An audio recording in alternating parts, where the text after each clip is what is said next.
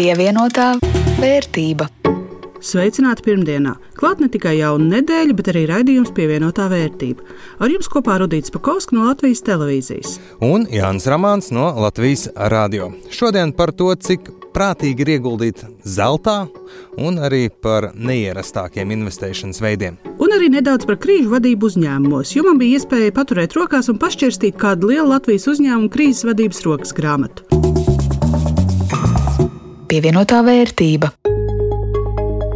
Bet, ja runājam par pēdējā laika aktualitātēm, visskaļāk noteikti izskanēja advokāta Pāvela Rebenaka noslepkavošana aizdītajā nedēļas nogalē.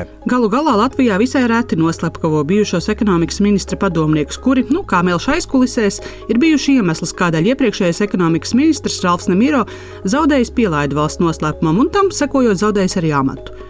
Rebenukam piederēja arī daļas Latvijas farmācijas milžos Olainfarm un Grindeks. Policijai šobrīd divas visai loģiskas versijas. Pirmā - tā bija slaupīšana, un te jāatceras, ka sociālos tīklos un padzeltenākos mēdījos laika pa laikam varējām aplūkot dažādas Rebenoka turīgās dzīves accessoārus.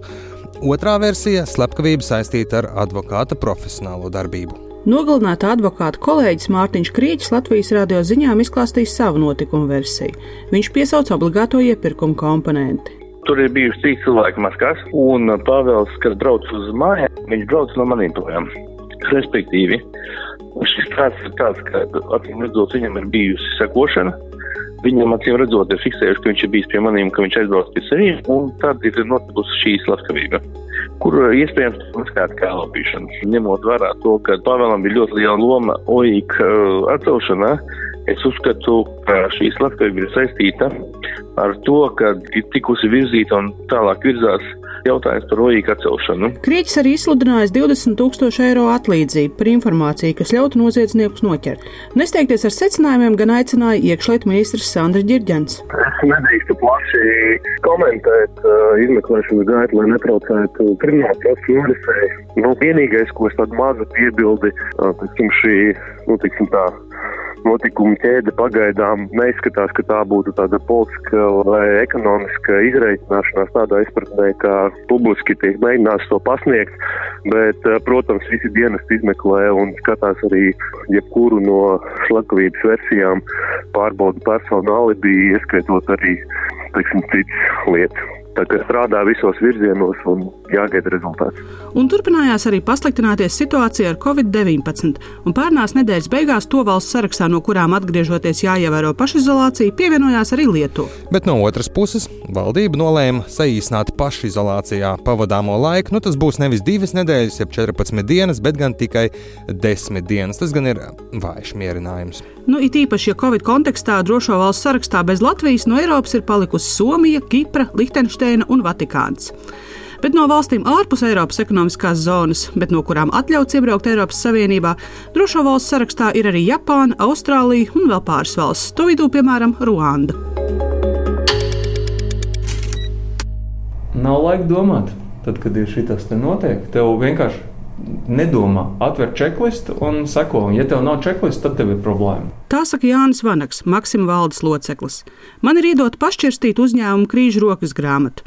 No ārpuses tā izskatās kā tipisks uzņēmuma dokumentu apkopojums. Oranžs plasmas mape, iekšā dokumentu lapas un gar malām pielīmētas grāmatzīmju lapiņas visās pasaules krāsās. Bet pašķirstot, kā instrukcijas dažni dažādām uz situācijām uzņēmumā. Tā rokas grāmata uh, nav svarīga. Ir nevis bieza grāmata, bet tieši plāna grāmata. Un, piemēram, man kādreiz kolēģi nespēja, nu, jā, nu, kāpēc tev vajag šitos stulbos, šitās jā. kāpēc tev vajag šitos stulbo atzīmi? Ja? Tāpēc, ka tā ir mana lapa. Ja? Nu, tā. Es nevaru, viņš tajā stresā nevar atrast. Ja? Un ar šādu rokas grāmatu krīzē, kad satraukuma un stresa visiem tāpat jau pietiek, ir vieglāk tikt galā. Vienkārši seko norādījumiem bet no otras puses, kādam ir jārūpējas, lai visi veicamo darbu saraksti būtu aktuāli. Tā grāmata nav statiska, viņa visu laiku ir jāapdeito. Ja, jo, jo vienkārši tās krīzes specifika mainās. Bet tas veids, kā tu uz to krīzi atbildi, kā tu reaģē uz viņu, viņš patiesībā nemainās. Tev ir tie paši standarta elementi. Ja? Tādi kā kas dara ko, kurš par ko atbild, kā informē, kā mazina sekas un tā tālāk. Jānis Vanaks uzsver, ka ierēķināts esot arī visdažādākās kļūdas. tas cilvēciskais elements nostrādā ārkārtīgi par sliktu. Jā. Tā kā jābūt tiešām ļoti piezemētam, arī es turpināšu izdarīt kļūdas, jo tas kļūdas ir cilvēcisks un tās kļūdas ir ierēķinātas iekšā. Mums ir kļūdu koeficients tajā. Viss, ka, kļūdas ir ierēķinātas, kļūdas ir dabiskas, kļūdām ir pat jābūt, plus vēl nāk klāt kļūdām kas. Viena vajag svarīga lieta, kas ir pilnīgi visur. Gan krīzes vadībā, gan žurnālistikā, gan veikalā, visur Mērķa likums. Viņš ir, mēs viņu liekam iekšā, mēs viņu grāmatā liekam, printeri nestrādā. Telefona lādētāji ir sabojājušies. Pie rokas grāmatas uzņēmumā ķērušies jau šā gada sākumā, kad Covid-19 risks vēl tikai parādījās pie pamalas, un reaģēšana laikus esot atmaksājusies. Ko mēs sakām, sākās Covid, mēs uzreiz aprīlī uztaisām, ok, mēs pielāgojam atkal jaunu algoritmu, kā mēs darīsim. Ja? Saslims noliktavā vai birojā. Ja? Mēs darām to, to, to saslimis veikalā vai ražošanas cehā.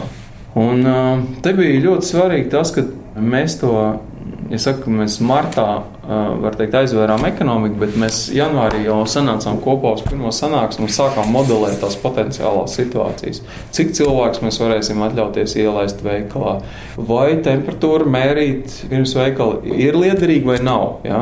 À, mēs secinām, ja speciālists saka, nav liederīgi, ok, tad, tad nav jēgas viņus aizkavēt pie veikala, jo tur, kur mēra temperatūru, tur veidosies drūzumi, tur viņi var akli inficēties. Ja? Nu, principā, tajā brīdī, kad aizvēra ekonomiku, mēs varējām mest gan ekonomikas ministrs, ministrija, gan veselības ministrija, mēs varējām iedot savus, savu sarakstu ar darbībām, kas mūsuprāt būtu jāveic, jo mēs to jau izpildījām. Bet Covid krīze, kura vienā vai otrā veidā skāra gandrīz katru ne tikai Latvijas, bet arī pasaules uzņēmumu, iespējams izdarījusi mazu lāču pakalpojumu uzņēmumiem. Jānis Vanaks kā salīdzinājumu min savu pieredzi. Pēc tam, kad pirmo reizi pāris minūtes paturējis, jau lidojošas lidmašīnas stūri. Protams, ka es viņu divas minūtes varu nostūrēt. Bet vai tas nozīmē, ka es varu pats konstruēt un būvēt lidmašīnas? Nē, vai es varu pats nolaisties sarežģītos, sarežģītās ānvējā? Visticamāk, nē. Bet tā lielā problēma ir mūsdienās tā, ka cilvēkam rodas tāda viltus pārliecība. Arī šeit daudziem, es domāju, gan uzņēmumiem, gan institūcijām, un vēl papildus tam, ka nu, teiksim, tā valstī bija pieņemts pareizais strateģiskais lēmums, un to saslimušie ir maz. Daudziem rodas tā vilnas drošības sajūta, bet mēs esam baigi eksperti tagad. Un tāpat, ja es viņiem uzdošu pāris jautājumus, kur ir jūsu krīzes plāns, kur jūs savācaties, cik bieži, kāds ir jūsu apmācību plāns, vai arī kā jūs atbildēsiet uz citu veidu krīzi, netipiskāk, nu, tad eh, jāatzīst, ka tur tas atbildes būs diemžēl tādas pašas kā cilvēkam, kurš ir divas minūtes stūrējis to lidmašīnu. Viegli gūti panākumi situācijā, kur pareiza rīcība kopā ar veiksmi visu padarīja vienkāršāku, var radīt viltus pārliecību, ka esam baigie zinātāji un varam vairs neuztraukties. Un tas atbilst ne tikai uzņēmuma sajūtām par covid krīzi, bet var arī tikt attiecināts uz investēšanu. Nu, par to pēc mirkļa pievienotā vērtība. Jau iepriekšējā raidījumā skaidrojām, ka ieguldīšana akciju tirgū prasa pacietību, zinām devu zināšanu un spēju nesatraukties par īstermiņa akciju cenu svārstībām, jo vilkmi un jaudu nodrošina tieši ilgtermiņa investēšana. Taču ir jāsaprot, kādos uzņēmumos investēt, kādi ir to darbības rādītāji, kādos tirgos tie strādā. Vienkāršāks variants ir to visu uzticēt um, kādam, kas to saprot, bankas ekspertiem, kas pārvalda ieguldījumu fondus. Bet vai ir vēl kādi ieguldījumi zelta āderi? Par to interesējās Linda Zalāne. Investēšana pensiju fondos un akciju tirgos nebūtu nav vienīgās iespējas, kā gudri ieguldīt, lai ilgtermiņā gūtu finansiālu labumu. Finanšu eksperti teica, ka investīciju iespējas sniedzas krietni tālākais zināmākajiem rīkiem. Invil pensiju fondu valdes priekšsēdētājs Andrēs Martīnos min ieguldījumu izglītībā, gan savā, gan ar izglītību saistītos biznesos.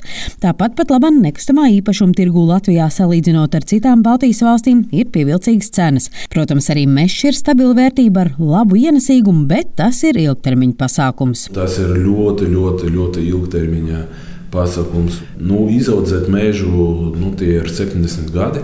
Nu, līdz ar to, ja mēs skatāmies uz tādu horizontu, kā visticamāk, maniem mazbērniem uz uh, izglītību, ja, nu, tad varbūt jā.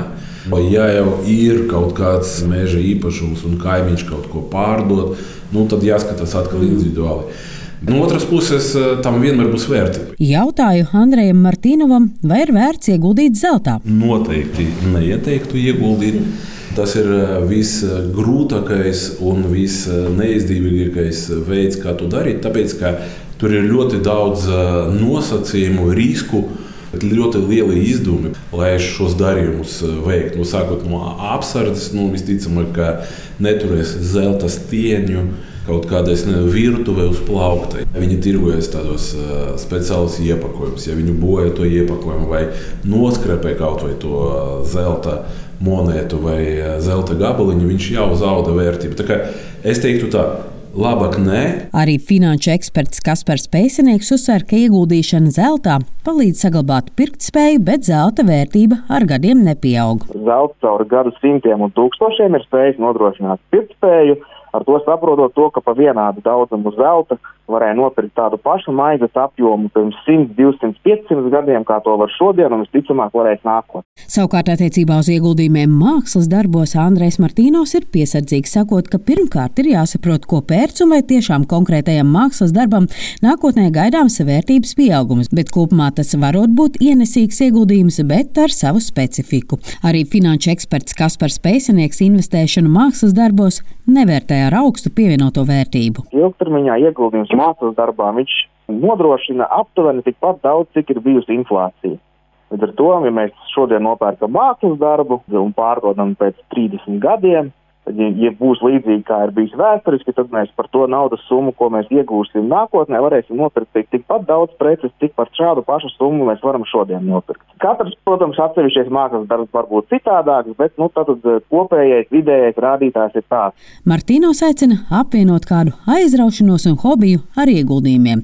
Viņš pastāsta par kādu internetā izlasītu investīciju stāstu. Tēvs eh, uz katra sava bērna dzimšanas dienu pirka, nu, gandrīz vai dāvināja viņam viskiju pudeli. Konkrēta gada izlaiduma, konkrēta ražotāja, ja, bet viņš sakrējis tādu kolekciju, kuras cena ir nu, nenormāli pieaugusi. Nu, tas, principā, arī ir viens no piemēriem, un viņš arī parāda, kā tas darbojas. Ja tu izveido, vai tev ir iespēja kaut ko unikālu sakrāt, vai izveidot kaut kādu nu, kā kolekcionēt, ja, ja tu to dari mērķiecīgi, bez pārāvumiem, ilgtermiņa, tad atdeve būs ļoti augsta. Protams, kolekcijas veidošanā jābūt disciplīnai un pārliecībai par to, ko dari. Proti, ka kolekcijas unikalitātei būs arī vērtība naudas izteiksmē. Pievienotā vērtība. Ar to arī izskan šīs nedēļas raidījums pievienotā vērtība. Ar jums kopā bija Rudīts Pakausks no Latvijas televīzijas. Un Jānis Ramāns no Latvijas radio. Skaņu pavēlnieks Renārs Šteimanis, jā, pilnīgai un vērtīgai kolekcijai. Vēlties dzirdēt arī kādu no iepriekšējiem pievienotās vērtības raidījumiem, tos varat meklēt Latvijas radio mājaslapā vai arī jūsu iecienītajā podkāstu klausīšanās vietā. Tiekamies nākamnedēļ!